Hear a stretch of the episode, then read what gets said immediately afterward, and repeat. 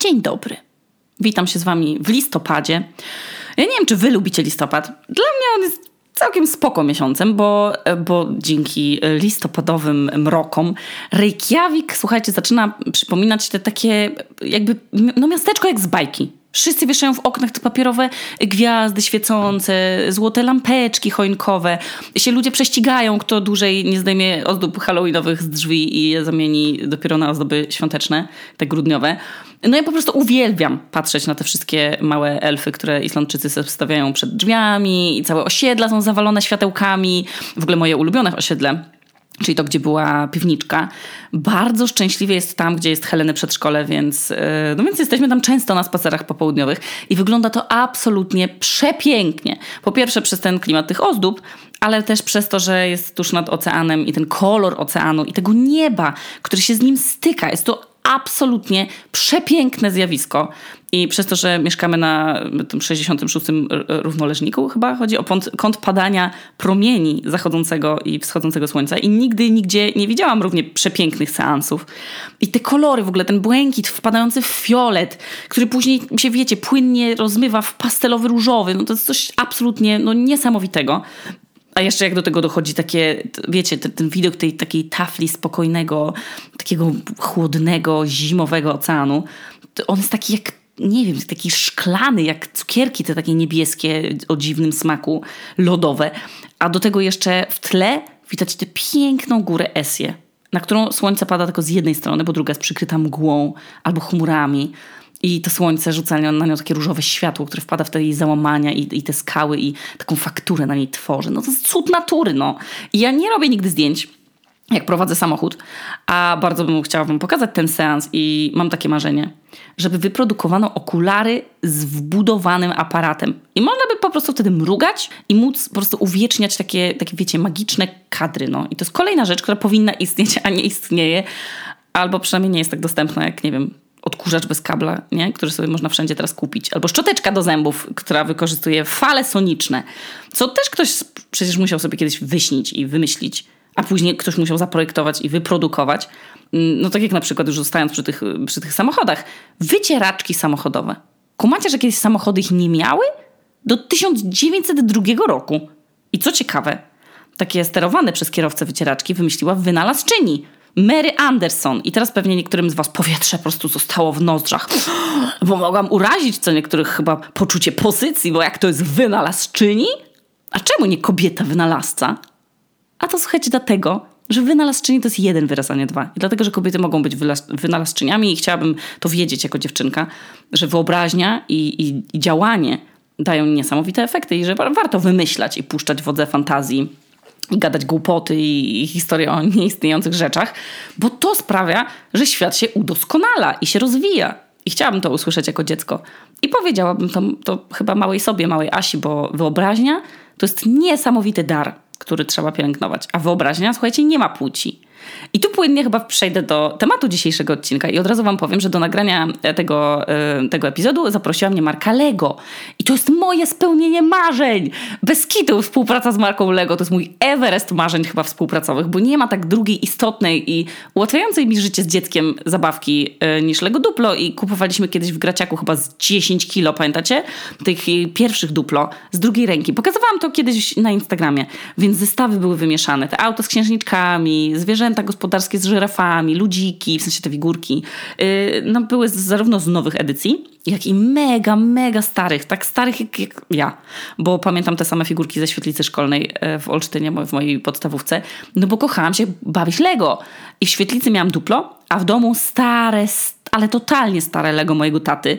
Co ciekawe, bo to nie był żaden zestaw, wiecie, tematyczny, tylko to były takie zwykłe kolorowe klocki do budowania, bez ludzików w ogóle uwielbiałam się nimi bawić i budowałam z nich wannę dla lalek, nie wiem, tam zagrody dla zwierzątek, tych takich gumowych, też po moim tacie z Pefeksu, y, podesty dla dinozaurów, a nawet pamiętam, że skocznię narciarską dla Adama Małysza, ponieważ wtedy trwała y, Małyszomania i wycięłam sobie z y, jakiejś gazety takiej z rozkładu telewizyjnego, wycięłam sobie takiego skoczka Adama Małysza i on skakał po niej po tej skoczni z Lego.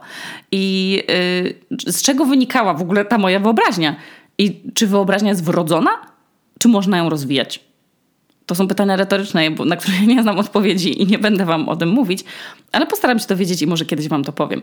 W każdym razie ten odcinek powstaje we współpracy z LEGO i ich kampanii, y, kampanią Dziewczynki mogą wszystko, której przekazem jest to, że zabawki nie mają płci. A zarówno chłopcy, jak i dziewczynki mogą się bawić klockami, właśnie rozwijając swoją wyobraźnię. Ja myślę, że nie mam zbyt wielu talentów. Mam wrażenie, że na pewno logiczne myślenie i pamięć na przykład nie są moją mocną stroną. Y, I mimo jakiś tam, wiecie, jakiś mnemotechnik, y, takiego no nie wiem, wydaje mi się, że, że w dobrym kierunku moi rodzice mnie e, wspierali takim zabawkowym, żeby te rzeczy rozwijać, ale to po prostu nie jest dla mnie. Nie? Mój mózg myśli inaczej, mój mózg jest tym mózgiem kreatywnym i wymyślanie jakichś niestandardowych pomysłów, jakichś haseł, nie wiem, nazw, bajek na dobranoc dla Heleny, które po prostu wymyślam, nawet się nie zastanawiam, tylko opowiadam i one mają sens. I wstęp, i środek, i koniec, i puentę nawet czasami. Albo wymyślanie historyjek w zabawie maskotkami – mi przychodzi z wybitną łatwością i ja lubię to robić. W sensie potrafię nawet za każdym razem stworzyć do tej samej książki jakąś inną historyjkę albo inną, poprowadzić, wymyślać na bieżąco dialogi nowe. Więc jak mi się jakiś wątek w książeczce nie podoba, to ja go zmieniam i też wymyślam na bieżąco. I to jest moja duża siła. Bo wiem, że no nie wszyscy mają taki dar, a ja wykorzystuję go tworząc podcasty, których lubicie słuchać, a inni tworzą na przykład mega poczytne, nie wiem, kryminały, seriale, jakieś piszą wciągające powieści albo projektują y, jakieś nowoczesne technologie. I tam moim zdaniem kreatywność i elastyczność. Tak mi się wydaje, że to jest najważniejsze w ogóle, to są najważniejsze kompetencje na rynku pracy i w ogóle tak, w które warto być wyposażonym. Ja mam tylko niestety z tych dwóch tylko jedną zaletę. Ale co mnie zaskoczyło, to okazuje się, że rodzice w Polsce oceniają swoje córki jako bardziej kreatywne niż synów. Tak w skali od 1 do 10 to kreatywność córek została oceniona na 8,3 a chłopców 7,8. To jest z badania Instytutu Ginny Davis na zlecenie grupy LEGO w 2021 roku. I ja, ja na przykład nigdy bym nie pomyślała, że kreatywność może być przypisywana do płci, ale faktycznie posługując się stereotypami, ale powtórzę, stereotypami, to dziewczynki zazwyczaj przedstawiane są jako te takie, wiecie, bawiące się we wróżki, jakieś nieistniejące elfy, rzucające różdżkami czary i tam udające, że są matki nieożywionych lalek, albo układające maskotki w dzieci w klasie i tak dalej. A chłopcy w książkach są tacy bardziej, wiecie, no, tacy down to earth, no, z zestawami narzędzi, udają, że coś naprawiają, albo po prostu jeżdżą samochodzikami. I oczywiście to jest bzdura. Bo nawet ze swojego dzieciństwa pamiętam, że jak przychodził do mnie mój brat cioteczny Maciek, a chodziliśmy razem do przedszkola. Maciek jest ode mnie y, dwa tygodnie starszy, więc chodziliśmy razem do przedszkola, później sześć lat do podstawówki i po lekcjach jeszcze y, ja do niego raz chodziłam do niego, raz do babci Marysi, a raz on do mnie. I słuchajcie, bawiliśmy się we wszystko i wszystkim. I ja pamiętam, że Maciek ubierał lalki, nakładając im ubrania przez głowę, tak jak ludzie się ubierają. A nie wiem, u nas w domu i, i wydaje mi się, że w naszych rodzinach po prostu nie było żadnego ograniczania, że chłopcy się bawią czymś, a dziewczynki czymś. I my zawsze mega kreatywnie podchodziliśmy do zabaw. Dużo robiliśmy sobie zabawek z jakichś guzików, z papieru. Jak nie mieliśmy jakiejś zabawki w prawdziwym życiu, jakiejś wyśnionej zupełnie, to sobie ją wycinaliśmy z katalogów z hipermarketów, z tych gazetek w sensie przedświątecznych i udawaliśmy, że to jest normalna lalka. I pamiętam, że miałam taki zestaw mini książeczek o myszach i my sobie je przywiązaliśmy do stóp i udawaliśmy, że to są łyżwy. I ja myślę, że mieliśmy szczęście, bo zarówno dziadkowie, jak i też nasi rodzice po prostu nigdy nie dzielili tych naszych zabawek na chłopięce i, i dziewczęce i też robią to do dziś. I pamiętam, że jak ja, moja siostra i Maciek dostawaliśmy jakieś zestawy takie, wiecie, do nawlekania. Pamiętam takie, mieliśmy takie klocki do nawlekania. One były takie z dziurą w środku i można było z nich po prostu robić biżuterię. Kupiłam to też ostatnio Helenie I bardzo mi się to podobało, jak byłam dzieckiem. I pamiętam, że Maciek dostał to samo i też sobie robił te korale. Wiecie, to po prostu ćwiczyło pewnie koordynację i ćwiczyło um, ten chwyt szczypcowy i tam te wszystkie jakieś, wiecie, um, um, związane z rozwojem dłoni rzeczy. Ale moja mama jakby nie pomyślała, o nie, Maciek pewnie nie będzie chciał sobie zrobić koralików, nie? Tylko po prostu mu to kupiła. Więc wiem, że nie wszyscy takie mają podejście w domu, i, ale myślę, że dzięki temu podejściu zawsze czułam to samo. To chyba przeczytałam kiedyś na, nie wiem, blog Ojciec, że jeśli do użycia zabawki nie są potrzebne genitalia, to znaczy, że ona się nadaje dla obu płci. I oczywiście to jest żart, ale on daje do myślenia. Serio, nie wszyscy żyją w tej bańce. w której żyję ja. No bo nadal w 2022 roku 75% chłopców i 60% dziewczynek się zgadza, że no niektóre zajęcia są przeznaczone tylko dla dziewczyn, a niektóre są tylko dla chłopców. Ale skąd w ogóle to siedzi w ich głowach? W sensie, co pokolenie naszych dzieci słyszy, nadal, mimo że już nie powinno. Ja bym na przykład wszystkim dzieciom, gdybym mogła, to ja bym chyba wszystkim dzieciom chciała powiedzieć, że w tym Helence, że zawsze warto wszystkiego próbować, czego tylko chcemy. I ostatnio rozmawiałam z moją mamą o moim występie w mini playback show. To nie był ten telewizyjny program, tylko jego lokalna wersja e, finansowana przez jakąś tam markę Lizaków. I najpierw był etap szkolny, a później etap w supermarkecie w Olsztynie. On już nie istnieje, ale pamiętam, że on był taki, miał mega nowocześnie wyglądający budynek, po prostu jak z kosmosu i bardzo mi się podobał. Miał takie długie, ruchome schody. Ja, nie, no ja po prostu byłam zawsze super podekscytowana, gdy mogłam tam pojechać z rodzicami, a jak wiemy, rodzice nie, nie chcieli ze mną tam jeździć na te zakupy, bo e, dzieci po prostu proszą o rzeczy, których wiadomo, że rodzice nie chcą im kupić, więc pewnie chcieli sobie przyspieszyć to zakupy i chcieli mnie zawsze zostawiać z siostrą w domu, ale no, raz z nimi pojechałam i byłam mega podniecona tym sklepem. No w każdym razie któregoś dnia powiedziałam mamie, że chcę wystąpić w tym konkursie i że ja będę Kasią Kowalską. Już wam opowiadałam tę historię, ale teraz mam pewien twist, bo moja wiedza się poszerzyła, bo okazuje się, że moja starsza siostra Marta, jak usłyszała o tym pomyśle, że ja chcę wystąpić, to ona po prostu błagała tę moją mamę, żeby mi nie pozwoliła. I bo, bo jej wstydu narobiono w szkole. I mówię, mamo, nie możesz pozwolić Aśce wystąpić, po prostu wiochy mi narobi. No nie, w ogóle nie, wstyd będzie na całą szkołę. I ja tego nie pamiętam, bo z mojej perspektywy, jakby mi mama powiedziała nie, to bym pewnie to po prostu olała, no bo ja nie wierzę, że chciałam z własnej woli wyjść na scenę i coś na niej robić.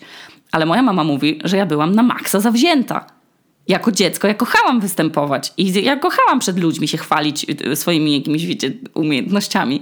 I że ja mówiłam, że tak wystąpię i że mnie nie powstrzymają. I moja mama powiedziała, y, dobra, no to pff, przygotuj układ i w weekend nam pokażesz w domu. I pomyślimy.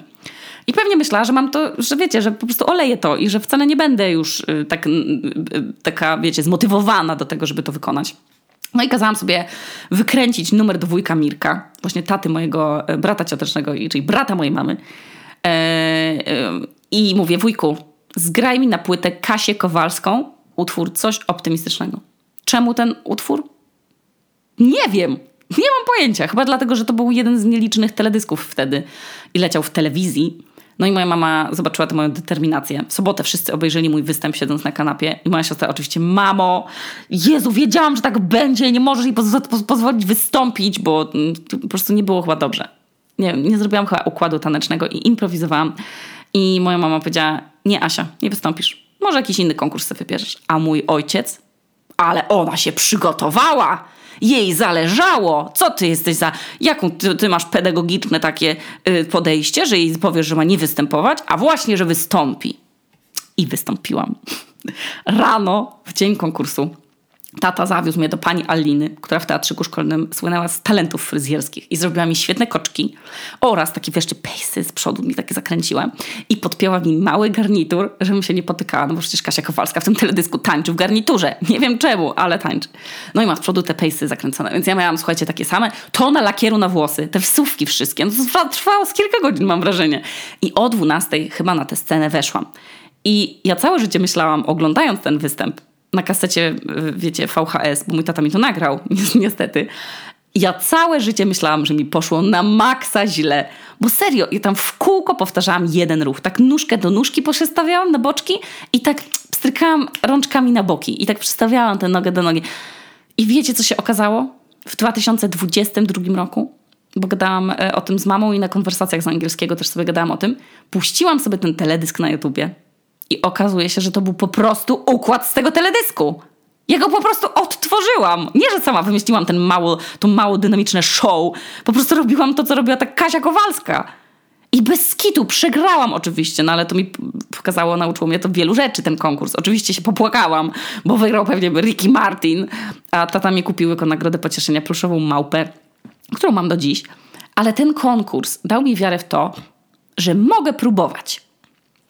I oczywiście nie wiedziałam jako dziecko, że ktokolwiek z mojej rodziny nie chciał, żebym występowała, bo nikt mi tego na głos przy mnie nie powiedział.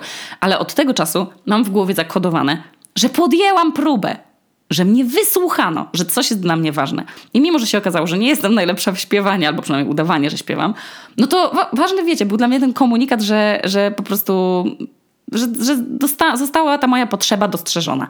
Mimo tego, że to mogło być obciachowe, nie? Mama umówiła mnie na fryzurę, wujek mi wypalił płytę, tata mnie zawiódł. Później wszyscy patrzyli z moją siostrą, jak tańczę.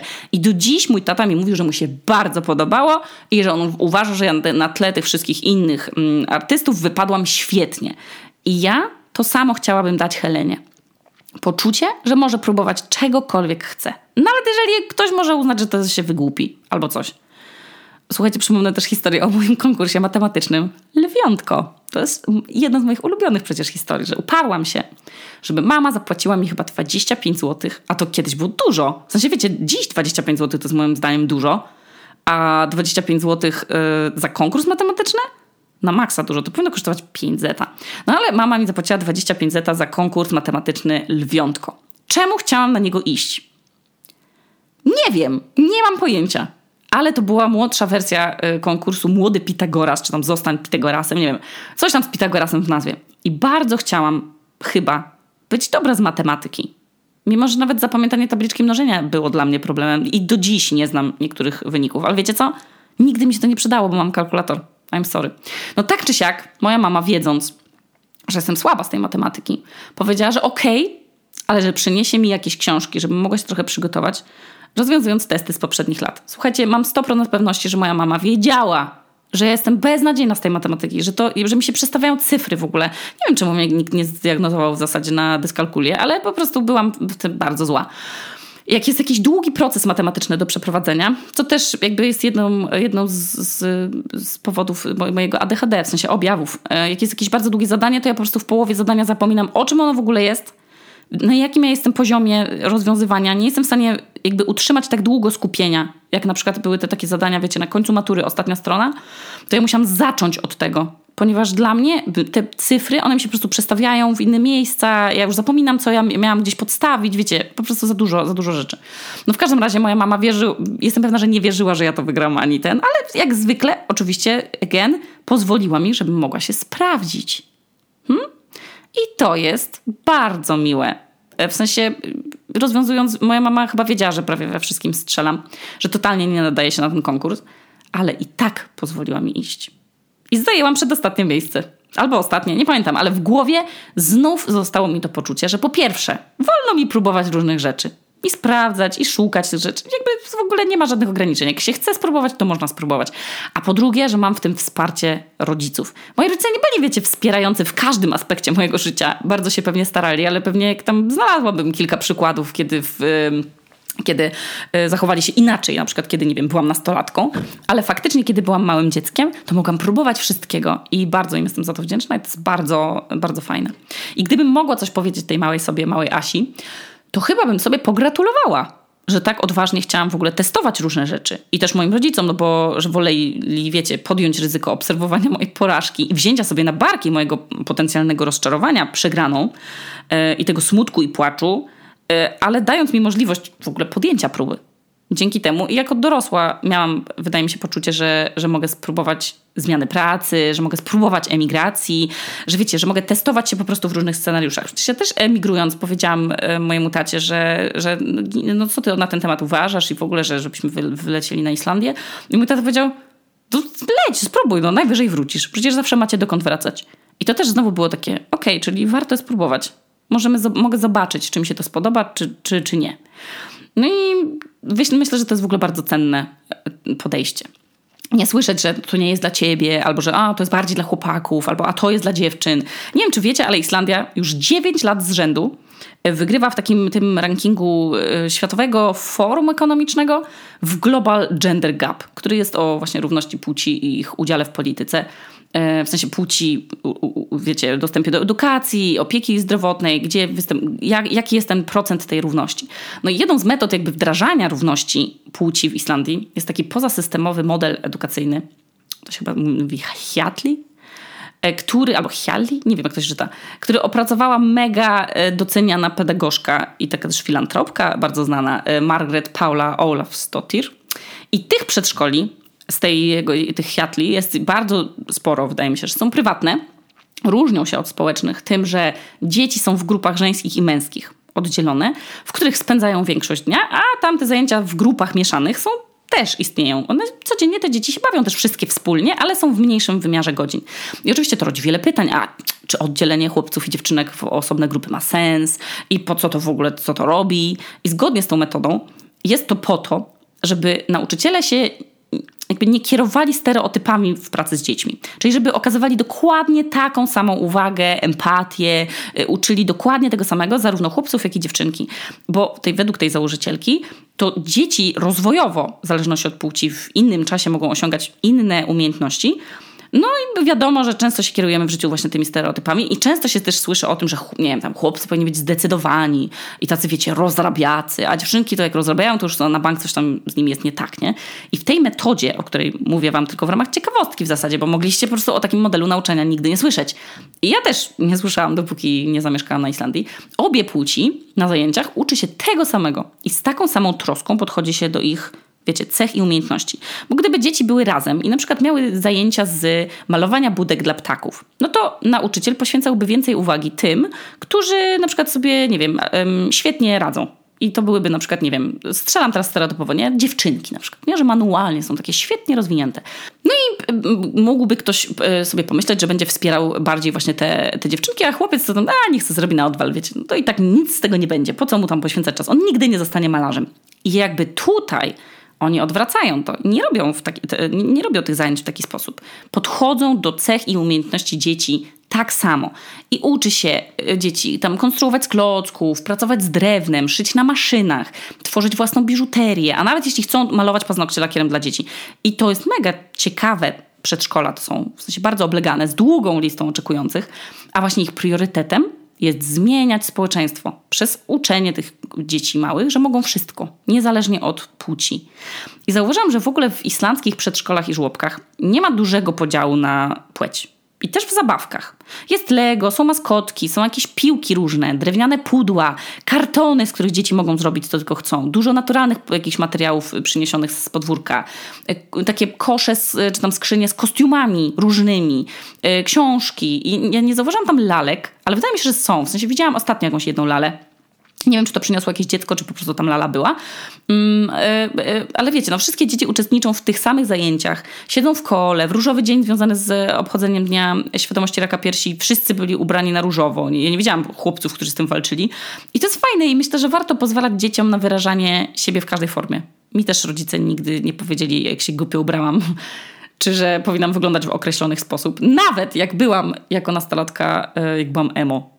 I myślę, że teraz byłoby mi głupio zabrać siebie tak ubraną gdzieś na zakupy, a moi rodzice się mnie nie wstydzili. I myślę, że to jest bardzo fajne. Kolejna rzecz, jaką chciałabym powiedzieć tej małej sobie, ale też każdemu małemu człowiekowi, to jest to, że rodzice i dorośli nie zawsze mają rację i popełniają błędy. I czasem nie wiedzą, co zrobić w danej sytuacji, i też się czasem mogą o coś martwić. I to jest okej, okay, to jest część życia. I chciałabym to wiedzieć, wiecie, będąc młodsza, bo dorastałam w takim przekonaniu, że dorośli są dorośli dlatego, że wszystko wiedzą. I że jak sama dorosnę, no to poczuję to właśnie wtedy, że wszystko będę wiedziała. No bo przecież my zawsze myślimy, że nasi rodzice wiedzą, co robią i się znają na wszystkim, a później zderzamy się czołem z faktem, że, że kiedy dorastamy, no to wcale nie jesteśmy tacy jak dorośli z naszych wyobrażeń, tylko no, też czasem błądzimy, musimy się dowiedzieć czegoś od innych, bardziej doświadczonych ludzi, czy tam wyedukowanych bardziej od nas osób. No i czasem trzeba coś doczytać, wiecie, zgooglować, czasem puścić jakiś podcast naukowy sobie, żeby się czegoś douczyć i no czasem też zamówimy dwumetrową czarną, olbrzymią lodówkę do małej kuchni albo pralkę, która nie przechodzi przez drzwi naszej łazienki i trzeba rozmontować e, framugę. E, czasem nie wiemy, jak sobie poradzić z emocjami i, i, przeklinamy w nerwach, albo walniemy szklanką, wiecie, albo gryziemy skórki przy paznokciach, a gniewamy się, kiedy to samo robi siedmiolatek. I ja dorastałam w tej fantazji, że dorośli są dorośli, bo wszystko umieją i ogarniają. I myślę, że moi rodzice chcieli mi dawać to poczucie, że wiedzą, co robią, że mogę się czuć bezpiecznie, bo potrafią rozwiązywać moje problemy. I to właśnie powiedziała o swojej mamie sześcioletnia córka mojej znajomej, Olgi, że moja mama umie rozwiązać każdy mój problem. I to wspaniałe. I miałam takie samo poczucie, ale też jednocześnie, gdyby rodzice mi kiedyś powiedzieli: Kurde, Asia, to jest okej okay, czegoś nie wiedzieć i popełniać błędy, to myślę, że to mogłoby być bardzo wzbogacające. I zamierzam o tym mówić Helenie, żeby wiedziała, że nie ma niczego złego w szukaniu wiedzy albo w myleniu się, I nie zamierzam też stosować wobec niej kar, bo wiem, że jedyne, co mi robiły kary w życiu, a dorastałam w czasach, kiedy kary były powszechnym, e, powszechną metodą wychowawczą, no to jest to, że mi psuły relacje z rodzicami no i generowały wobec nich ogromną złość, którą jednocześnie nie umiałam sobie poradzić, bo byłam dzieckiem. No i też wiedziałam, że te kary były absolutnie bez sensu i wynikały z bezsilności. Zresztą są badania potwierdzające, że kary przecież nic nie dają. Jak myślę o mm, takich stereotypach związanych z wychowywaniem dzieci, do czego zachęciło mnie Lego, to przypominają mi się różne rzeczy, które słyszałam przypadkiem. Może nie w domu, ale wiecie, tam gdzieś w mediach, czy w filmach, y, czy gdzieś na ulicy. Wiecie, te wszystkie, że o, ten jeździ jak baba, albo że chłopaki nie płaczą, albo że coś jest niemęskie. I że mam wrażenie, że coraz bardziej jesteśmy na to wyczuleni i sobie zdajemy sprawę z tego, że wszystko, co istnieje w świecie, jest umowne wiecie, mam was za ludzi inteligentnych, którzy wiedzą, że na przykład kiedyś teatr w starożytnej Grecji był odgrywany tylko przez mężczyzn, a jak wiemy, dziś mamy i aktorów, i aktorki, no, albo kiedyś kobiety nie mogły nosić spodni, nawet kobiety alpinistki, słuchajcie, zasuwały przecież na szczyty w sukniach i w butach na obcasach. Na przykład y, Henriette, jak ona nazywa? Henriette d'Angeville, francuska, która jako pierwsza kobieta na świecie sama o własnych siłach weszła na y, Mont Blanc sukni, bo wtedy były takie zasady. I zabrała ze sobą, słuchajcie, w, ek- w ekwipunku nawet wachlarz. Kumacie? Wachlarz na ośnieżoną górę. Wow. No wszystko się y, zmieniło, no bo wynikało po prostu z mody, z jakiejś epoki historycznej. To wymagało przełamywania pewnych tabu. I mnie na przykład na maksa cieszy, że na Islandii y, Helena obserwuje od najmłodszych lat i kobiety i mężczyzn w różnych takich, wiecie, rolach społecznych, w tym mężczyzn jako nauczycieli przedszkolnych, albo kobiety za, za, za kierownicą koparek na placach budowy.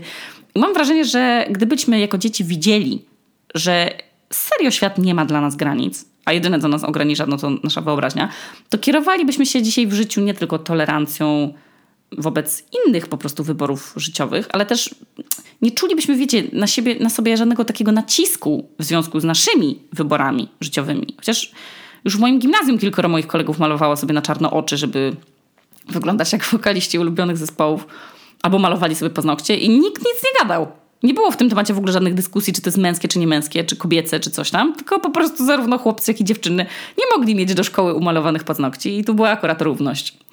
I myślę, że mm, niezależnie od wieku i płci, powinniśmy się zastanowić nad tym, ile razy w życiu się kierujemy jakimś przekonaniem, które nie jest z naszej głowy, tylko jest z zewnątrz. Bo na przykład ja, spoko, no jestem bardzo otwarta, Amadeusz też jest mega obecnym i aktywnym ojcem, bardzo to go zawsze spełniało i też nie mógł doczekać w ogóle tej roli i się wkurzał, że nie może karmić piersią, wiecie, że to już jest taki, do takich granic y, aż ym, zdenerwowania z tych nierówności. Ale jednocześnie na przykład, jak trzeba skręcić jakiś mebel albo coś się rozwali, to ja mam z domu po prostu wyniesione taką pewność, że on się tym zajmie.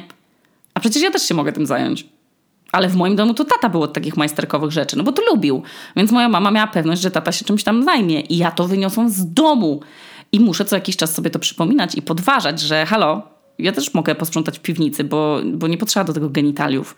Ale gdybym leciała całe życie na takim, wiecie, autopilocie, no to bym pewnie tego nie zauważyła, no i się kłóciła za Amadeuszem ma takie pierdoły, jak jakieś wiercenie dziury na, na obrazek. Staram się go nie robić, ale czasem jadę, jadę tym automatem, no i mówię, że do niego czy założy szafkę, albo czy coś tam że, czy, czy złoży szafkę, albo czy, czy przybije jakiś gwóźdź. Wiecie, jednocześnie pokazuję Helenie, że jestem aktywna zawodowo, że realizuję swoje pomysły, że przełamałam się w jeżdżeniu autem, że makijaż to nie jest jakaś rzecz, która miałaby mnie zatrzymać w domu. I staram się dawać jej takie poczucie, że nie ma typowo kobiecych rzeczy, rzeczy, które musi robić. I dajemy im całe spektrum zabawowe i zabawkowe i obserwujemy, czym lubi się bawić. I faworytem są są właśnie klocki Lego i książeczki, w tym takie wielkie ilustracje o placu budowy, na których występuje duży dźwig, a w nomenklaturze Heleny nazywany duży dick oraz zabawkowa kuchnia. I bawimy się w to, wiecie, razem w malowanie farbami, później w pociąg, jeszcze później w chowanego. I pyskitu, chyba zabawa w, to jest najlepsza forma wpajania dzieciom pewnych wartości. Jak byłam mała, to bardzo lubiłam się bawić lalkami. Lubiłam się bawić pod blokiem, pod wierzbą płaczącą w dom, rysując go na piasku patykiem. Lubiłam fikać na trzepaku, lubiłam skakać z huśtawek, bardzo lubiłam też wyszywać i różne takie manualne rzeczy. Szło, sobie sama szyłam maskotki, w sensie nie jak byłam mega mała, nie? ale jak już byłam w, w chyba myślę, że to było jakoś tam na pograniczu podstawówki gimnazjum. malowałam sobie jakieś takie wylane w betonie obrazki, jakieś takie, takie robiłam korale na szyję. Nie, to nie było, słuchajcie, z betonu, to był gips. To były gipsowe obrazki. Szyłam sobie właśnie te maskotki, malowałam jakieś takie, że, że po liniach się malowało, w sensie w takich cyferkach, wiecie, takimi akwarelkami. Dużo bardzo wycinałam i co pamiętam, rodzice jakoś zbytnio nie skakali nade mną, żebym się nie skaleczyła albo żebym nie zrobiła sobie krzywdy yy, podczas jakiejś wspinaczki na drzewo. Ja tego jeszcze nie umiem, w sensie wyluzować. Ale ja byłam drugim dzieckiem i moja mama mówi, że po prostu już miała większy spokój, bo przetestowała różne sytuacje na Marcie. No i byłam już tatą, wiecie, wtedy też na rybach, bo chciałam, ale później się dowiedziałam, że to nie jest dla mnie, bo się nudzę. W Wiżajnach urodziny zbijałam gwoździami z kuzynostwem domek dookoła drzewa i też nikt nie mówił mi o drzazgach, ani nie wiem, że się uderzę gwoździem w palec. Nie gwoździem, tylko y, młotkiem. Ja nie wiem skąd w moich opiekunach był ten spokój i pewność, że, że sobie nie zmiażdżę palca przecież. Ale myślę jednak, że najważniejsze, co chciałabym powiedzieć sobie małej, mm, to to, że można robić wszystko, o ile po prostu nie robimy tym nikomu krzywdę. No. Krzywdy. I, I to, że ktokolwiek powie, że dziewczynki czy tam chłopcy czegoś nie powinni robić, to jest opinia tylko tej jednej osoby, no. I że dorośli się mylą. Mają różne opinie, bo też pochodzą z różnych domów, z różnych środowisk, tam epok. I jest dużo książek o tym właśnie, że się ludzie przecież różnią wyglądem, że niektórzy mówią w innych językach, że świętują różne święta. Wiecie, no dużo się uczy dzieci o takich, e, takiej różnorodności, a mało się uczy o tym, że ludzie mają różne zdanie i że to jest okej. Okay. Że nie trzeba ludziom we wszystko wierzyć i traktować ich opinii jako czegoś, czym musimy się kierować w życiu. Ja wierzę, że czasy się zmieniają. W sensie, wiecie, to widzę, widzę mając swoje dziecko i takie też flashbacki z mojego dzieciństwa, że chłopcy na WF-ie to grają w koszykówkę, a dziewczynki miały aerobik. Ja sądzę, że już to się pewnie rzadko zdarza, na Boga, w 2022 roku. I że te grupy mogą się mieszać. I na Islandii mam w, w ogóle dziewczynki w szkole grają w piłkę. I to jest bardzo aktywna kobieca piłka nożna. Ale no nie mam danych, czy, czy równie aktywne są na przykład zajęcia baletowe, czy tam taneczne dla chłopców. Tego na przykład nie widzę. I to może też kwestia, o którą powinno się bardziej dbać, żeby nie tylko dziewczynki chronić przed stereotypami, no ale chłopców też, dając właśnie dzieciom równe szanse. Ja myślę, że rodzice chłopców mają nieco trudniejsze zadania, jeśli ich syn jest wrażliwszy i ma inne zainteresowania, wiecie, od jego kolegów, bo się można martwić, że grupa zrobi mu krzywdę, no bo mamy sobie jakiś lęk o to, że jeśli, że jeśli ten chłopiec nie będzie się interesował jakimiś konkretnymi rzeczami albo nie będzie miał jakichś tam sprawności, to będzie wykluczony. I pewnie rodzice takich chłopców się muszą zmierzyć z tym, żeby szczególnie dbać o to ich poczucie własnej wartości. Jednocześnie budując w nich taką jakąś odporność psychiczną w ogóle, żeby byli pewni, że mogą być sobą. No bo po co być całe życie udając kogoś, kim się nie jest, żeby jakichś obcych ludzi zadowolić? Słuchajcie, życzę nam, żebyśmy mieli w sobie mądrość i taką, wiecie, no, taką odwagę, żeby pomagać nowym pokoleniom, nie tylko naszym dzieciom, ale też siostrzeńcom, bratankom y, i, i nie wiem, jak jesteśmy przeżywaną, przeżywaną ciocią czy wujkiem, to nawet jakimś tam dzieciom znajomych naszych, nie? Żeby pomóc im dorastać w przekonaniu, że mogą wszystko i że dziewczynki mogą wszystko i chłopcy mogą wszystko, że mogą próbować, testować się w różnych zabawach i rolach i że mogą iść na lwiątko, nawet jak nie znają tabliczki mnożenia że mogą raz być księciem, a raz strażakiem, a raz księżniczką, no a raz strażaczką i że to jest po prostu wzbogacające. Ale przede wszystkim dające nam prawo do doświadczania. No a od czego jest życie, jak nie od zbierania doświadczeń? Dziękuję Wam, że byliście dzisiaj ze mną i na scenie w mini playback show, i na lwiątku, i pod blokiem pod wierzbą płaczącą. Nie wiem, jakim cudem mam z dzieciństwa aż tyle żywych wspomnień, ale na przykład moja siostra czy Amadeusz nie pamiętają prawie nic. No nie wiem, ale cieszę się, że tak jest, bo mając talent do opowiadania i wymyślania odcinków, no i właśnie dobrą pamięć, mogę robić ten, ten podcast. I dziękuję Lego, że zajęło się tym tematem równych szans i zrobiło fajne badania i zachęciło ludzi do mówienia, że zabawki nie mają płci. No. I dzięki moim rodzicom, że pozwalali mi i przybijać gwoździe i lalki ubierać. No. A teraz gaszę mikrofon i idę się gapić na zachód słońca albo robić zupę z dyni, bo się okazuje, że najlepsza zupa z dyni jest z takiego pire w puszce. Ja mam je teraz w szafce i to pire i mleko kokosowe, więc zrobię moją ulubioną zupę, którą Helena nazywa zupa błoto. Także cały garnek będzie dla mnie. Y, mam nadzieję, że miło spędziliście y, dzień, co dzień, no, ten podcast i miło spędzacie jesień i że listopad będzie dla Was łaskawy. Tu Okuniewska z nad piwniczki w Reykjaviku, a to był odcinek o tym, że wszystko jest dla wszystkich.